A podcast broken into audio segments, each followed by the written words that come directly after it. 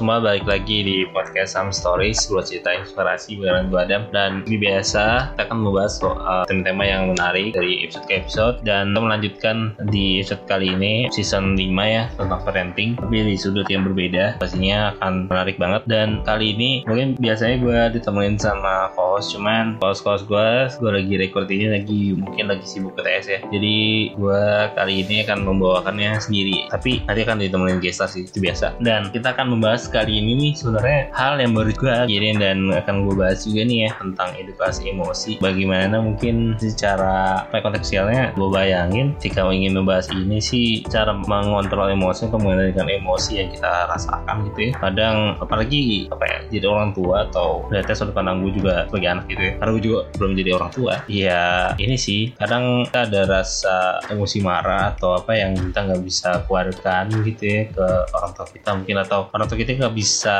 kontrol supaya anaknya itu bisa menaikkan emosinya mungkin gitu ya gue yang gue bayangin gitu ya terus karena juga banyak orang yang mungkin lebih ke ini sih ada satu lagi soal emosi ini yang kita itu nggak bisa mengeluarkannya atau cerita lah istilahnya apa yang kita rasain ketika kita mungkin lagi masa sekolah ya kita kalau mungkin beberapa anak yang dibully atau apa gitu. Gak cerita akhirnya gitu udah parah banget baru cerita gitu. Kadang di akhir baru ketahuan lah istilahnya. Atau yang pelecehan yang sekarang mungkin di undang-undangnya baru disahkan gitu gak cerita gitu. Pas udah begitu parah baru bisa cerita orang tuanya gitu. Mungkin tuh hal-hal yang mungkin kita akan bahas di dalam sih di episode kali ini mungkin ya yang gue tangkap dari TP dan dari tema yang kali ini ya gitu. Oke mungkin kita langsung kenalan dulu aja nih barengan gestar ya masih mahasiswa lah ya. Halo ada Sabrina. Apa kabar? Halo, aku alhamdulillah baik.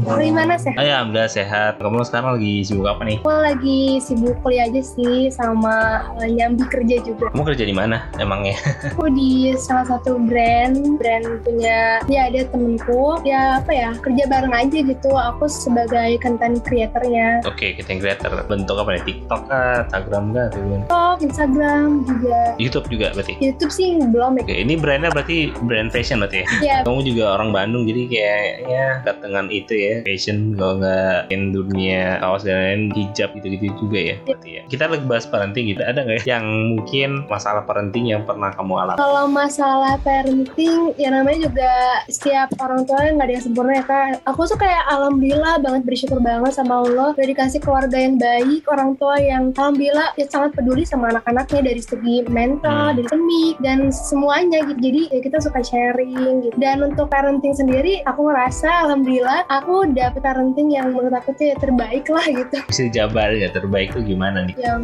anak dia punya masalah tapi nggak bisa langsung diceritain udah membludak banget udah dia pendam lama-lama gitu tapi aku punya orang tua yang kalau misalnya aku ada masalah atau aku punya cerita gitu masalahnya kayak gimana jadi kita cari ya solving problemnya bareng-bareng gitu dan masih banyak lagi Apa yang membuat kamu bisa cerita sih semua orang tua gitu? Karena emang orang tua kamu tipikal yang memang eh, terbuka dengan anaknya atau, dari awal tuh kayak dia orang tua kamu tuh kayak emang mancing dulu juga gitu. Kayak awal-awalnya tuh kalau kamu ada masalah cerita-cerita aja kayak gimana? hal yang biasa kita lakukan itu karena kita terbiasa kan ya kayak di aku kecil dan dari kakak-kakak aku adik aku aku sendiri kecil itu mama selalu nanya kayak eh tadi di sekolah gimana? gitu. Terus karena kita mungkin waktu dulu masih kecil main apa aja kan permainan apa aja. Kalau misalnya waktu SD terus ya kita jadi cerita terus misalnya ada temen yang baik gak atau ada yang suka ngusilin gak gitu. Nah itu tuh di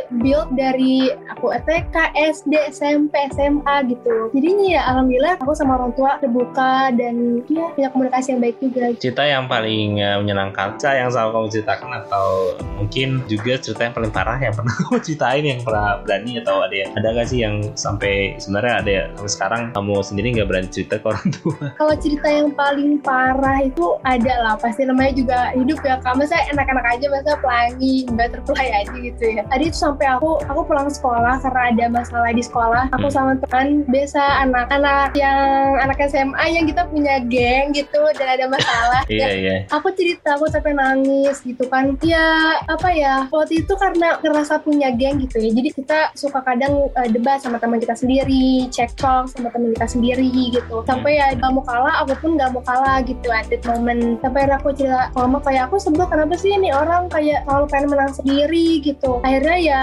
mama ya bilang kalau misalnya ada kalanya kita itu menurunkan ego bukan berarti kita kalah gitu jadi ya Iya, iya. itu kayak salah satu apa ya advice yang aku wah bener juga sih Oke ya menarik sih ya eh, soal ego ya. Karena kita apa yang ngalah bukan berarti kalah ya ini. Terus dia berdua kan kita juga tema utamanya soal emosi nih ya. Menurut kamu emosi itu apa nih? Kalau menurut aku sih kak ya Hmm. emosi kan ungkapan rasa gitu loh. ekspresi ungkapan ekspresi kita lah ungkapan perasaan kita terhadap situasi ter mau itu senang mau sedih marah bingung kecewa gitu Oke, terus pernah juga yang ngerasa emosi.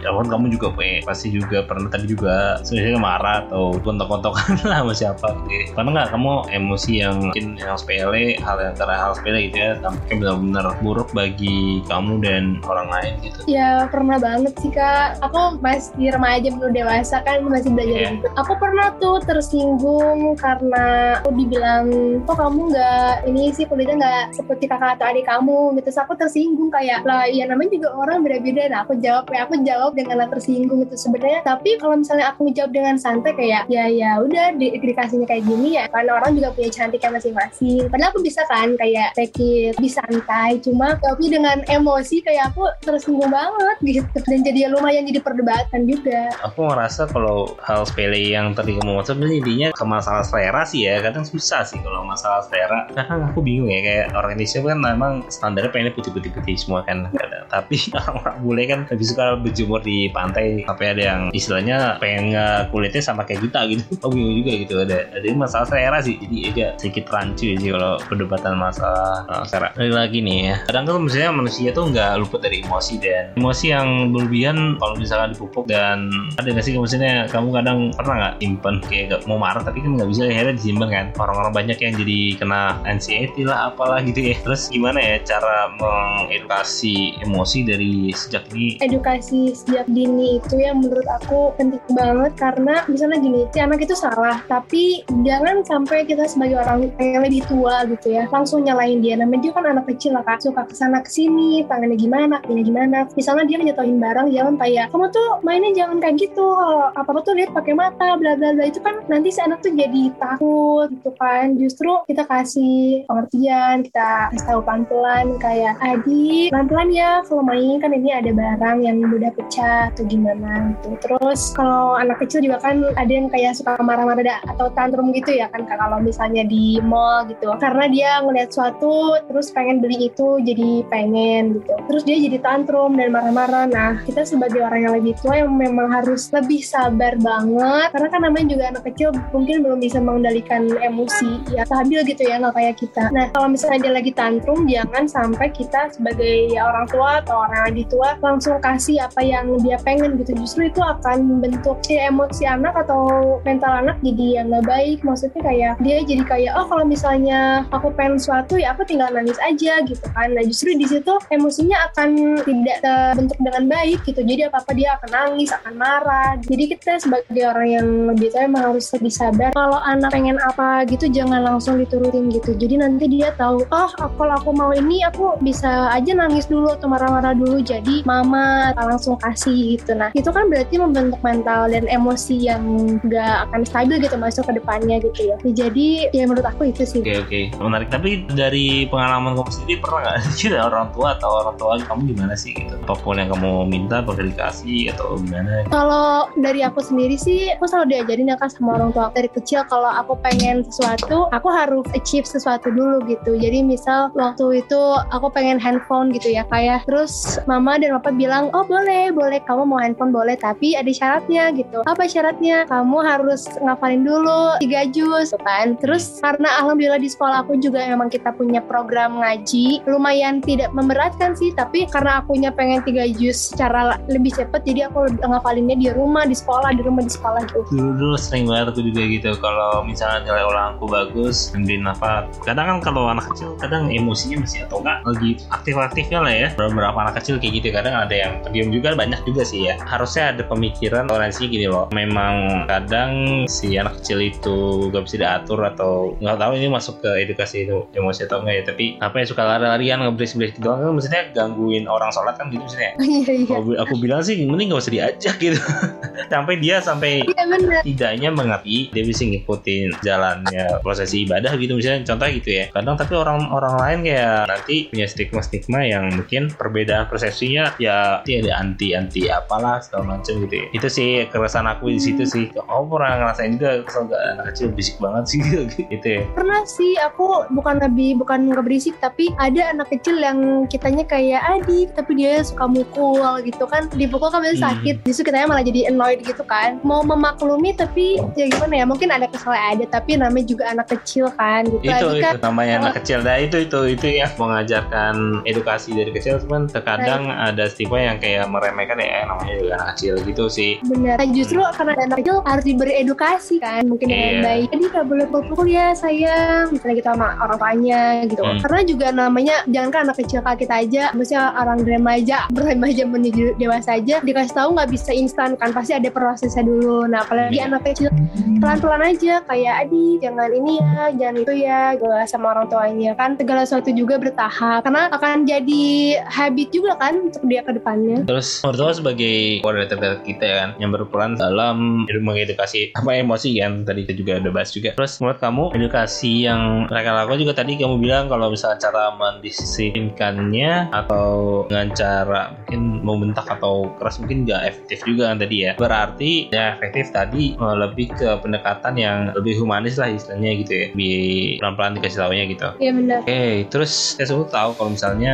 sesuai dengan apa yang kamu bilang juga, kalau misalkan edukasi emosi itu sejak dini oleh orang tua penting banget dan karena apa yang berpengaruh ketika kita dewasa. Nah, orang tahu ya kenalnya masih orang-orang tua 4.0 aja, padahal sebenarnya udah harusnya masuk ke 5.0 ya. Yang merupakan era di mana apa ya manusia sebagai pusat pengendali gitu. Nah, bagaimana sih kita manajemen emosi ketika mungkin kita mungkin ada beberapa orang yang ada dua versi lah menurut kamu ada eh, pandangan kamu nih. Misalnya orang yang udah dapat edukasi dari kecil atau juga mungkin orang yang suka ketika dewasa ya belum sama sekali bisa dapat edukasi dari kecil misalnya edukasi emosi tadi. Kalau memanajemen emosi ya kayak ini ya. Iya. Misalnya mungkin ya untuk orang yang udah dikasih edukasi dari kecil ya. Namanya juga misalnya kita emosi berupa misalnya marah gitu ya. Hmm. Kadang kan orang kalau marah nggak bisa dikontrol. Jangankan orang yang nggak dikasih edukasi dari kecil. Orang yang dikasih edukasi dari kecil aja mungkin kalau misalnya dia nggak belajar untuk mengkontrol itu ya bisa jadi dia juga tidak bisa manajemen emosi itu. Nah, tapi mungkin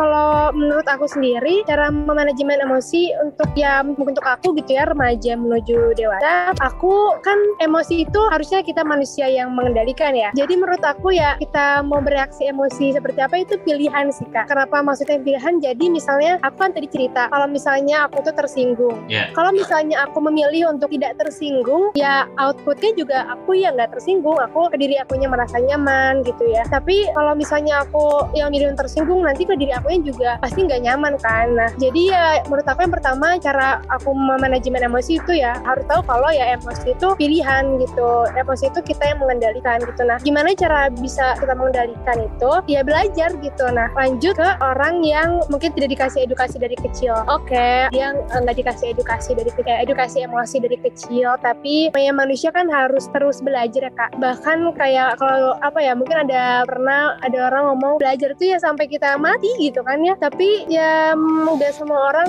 punya apa ya keinginan untuk belajar gitu ya. Salah satunya belajar untuk mengendalikan emosi. Jujur aku sebagai orang yang udah dikasih edukasi emosi dari kecil aja aku ada sempat di beberapa tahap di beberapa fase yang aku emosi aku nggak kekontrol banget. Aku kayak selalu pengen menang sendiri kalau dalam perdebatan. Kalau misalnya aku terlalu seneng akunya malah jadi kayak ngerasa overwhelmed. Tandanya kan aku nggak mengendalikan emosi aku dengan baik ya tapi yakin aja kalau emosi itu pasti bisa dipelajari gitu tahap demi tahap gitu. Jadi menurut aku ya cara manajemen emosi untuk orang yang mungkin tidak diberi edukasi ketika kecil ya yakin kalau dengan belajar pasti juga akan terbentuk emosi yang lebih baik lagi gitu.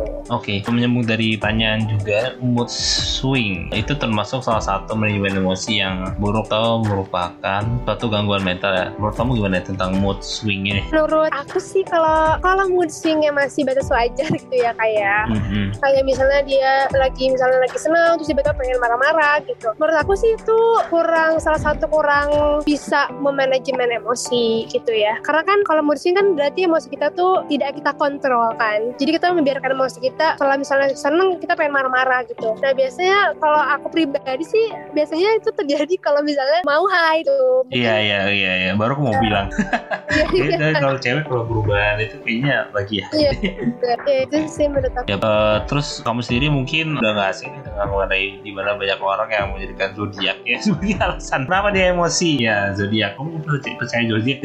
Nah terus sebenarnya nih ada hubungannya nggak sih antara zodiak dan emosi? Kalau aku ya kalau aku pribadi sih aku nggak percaya gak zodiak zodiak dan aku rasa nggak ada hubungannya gitu. Aku kan sering nonton juga nih misalnya di YouTube. Misalnya dia eh, zodiaknya Gemini atau Leo nanti dia kalau misalnya marah kayak gimana kalau misalnya sedih kayak gimana. Tapi dari orang terdekat aku gitu ya misalnya dari mama aku atau dari teteh aku yang dia zodiaknya apa ternyata nggak sesuai kok apa yang kata orang bilang ya. Namanya emosi mah gitu manusia manusia pasti ya punya apa ya punya reaksi yang berbeda-beda gitu. Dan kalau ada orang yang mau ngaitin dengan zodiak ya kalau aku pribadi sih nggak percaya dan nggak nggak nyambung ya gitu. Kalau menurut aku. Oke oke. Tapi emang zodiak kamu apa? Kalau aku zodiaknya Libra. Oke Libra ya. Aku nggak tahu sih orang Libra gimana cuman ya gitu dah pokoknya. Nggak terlalu mentingin itu sih. Iya iya betul tapi yang yang terlalu yang aku percaya sih sebenarnya yang karena adikku ini ya apa Gemini gitu ya. Jadi ada dua ada dua kepribadian gitu ya. Karena kalau Gemini gitu ya dilambangkan dengan dua gitu kembar gitu sih terus. Kalau misalnya menurut nih pada orang yang masih orang-orang yang saat emosi dan dengan bangganya mereka mengatakan kalau gue itu kalau emosi ya mau kayak gini lumayan aja gitu. Kira-kira gimana ya? Kira-kira kamu pernah punya pengalaman nggak? Pernah banget.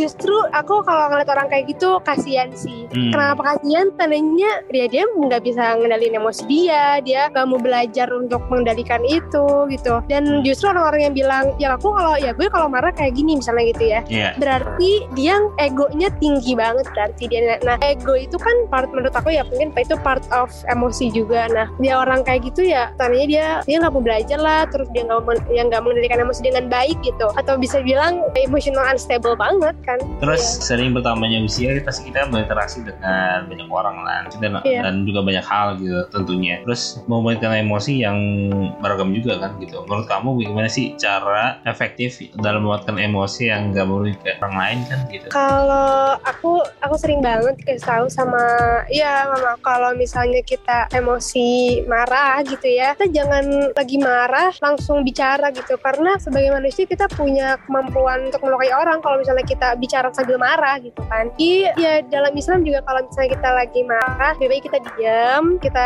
ya istighfar atau diam gitu. Dan kalau bisa kan kita wudhu tapi kalau misalnya belum sampai di fase itu mungkin ya lebih baik kita diem sih. Dan dengan kita diem kan ya kita nggak maksudnya nggak akan ngomong apa-apa dan nggak akan ngeluarin kata-kata yang mungkin yang mungkin hitin yang mungkin ya itu merugikan orang lain itu gitu. Dan kalau misalnya iya ada orang bilang ih kok lo kalau marah nggak bilang-bilang sih? Malah diem aja ya. Justru itu adalah keahlian kita untuk mengendalikan emosi. Tadinya kita kita diem dulu baru setelah mungkin udah stabil kita ngomong misalnya aku nggak suka kamu kayak gini atau tadi aku marah karena ini gini gini gini gitu. Jadi ya itu mungkin salah satu cara kita meluapkan gitu ya. Tapi kita nggak merugikan orang lain gitu. Kalau itu sih menurut aku. Oke, kalau aku sih ini sih ya melakukan emosi itu menurut aku keresahan.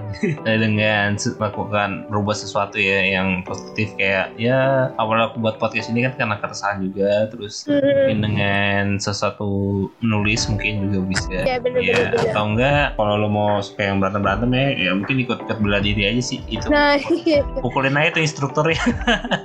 Jadi mungkin bisa, Iya. bisa bisa juga gitu ya. Oke terus pada dasarnya kan emosi juga menjadi salah satu tujuan yang untuk moral terus juga pesan yang kamu ingin sampaikan nih baik ke orang tua remaja dewasa bahkan semua orang yang mereka yang nggak bisa belum bisa nih dari emosi mereka sendiri. Gimana nih? Ada nggak pesan nggak? Atau tips? Jujur aku pun masih belajar banget ya kak. Dia namanya juga manusia gitu. Pasti bakal ada waktu dia ngerasain marah atau seneng atau sedih tapi atau kecewa tapi kalau misalnya tips dari aku sih kalau misalnya emosinya yang berupa marah gitu ya mungkin itu dia. Kita harus mungkin emang bakal susah tapi nggak apa belajar. Ya kita harus tahu kalau emosi apa yang mau kita keluarkan. Itu tuh ya pilihan kita gitu. Terus juga kalau misalnya kita lagi berdebat atau apa coba untuk eh, menurunkan ego gitu. Ego ya sendiri. Karena kalau misalnya kita nurunin ego terus si perdebatan itu nggak dilanjutin juga kan maksudnya enak ke diri kitanya juga ya. Justru ya kayak berdamai sama diri sendiri aja juga gitu kan. Dan belajar sih harus mau terus belajar gitu. Banyak orang kan yang bilang ah kalau misalnya lo emosi juga nggak akan kepikiran gitu. Maksudnya apa yang lo omongin ya? Sebenarnya sih bisa. Kalau misalnya kita mau belajar dan mau berproses gitu. Karena kan nggak ada sesuatu yang instan gitu. Itu sih kak kalau menurut aku. Oke oke.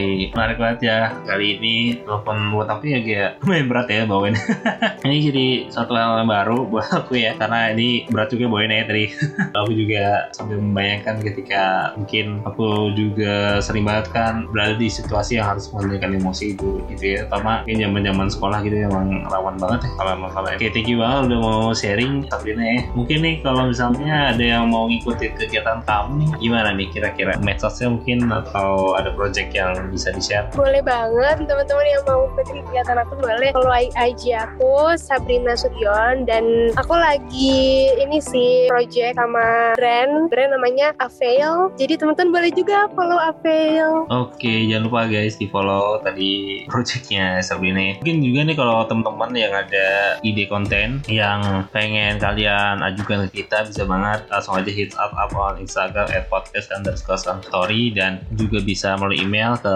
podcaststory@gmail.com and thank you banget buat teman-teman yang udah menonton Kesam Story episode ke-73 bersama Sabrina. And, and see you on the next episode. Dadah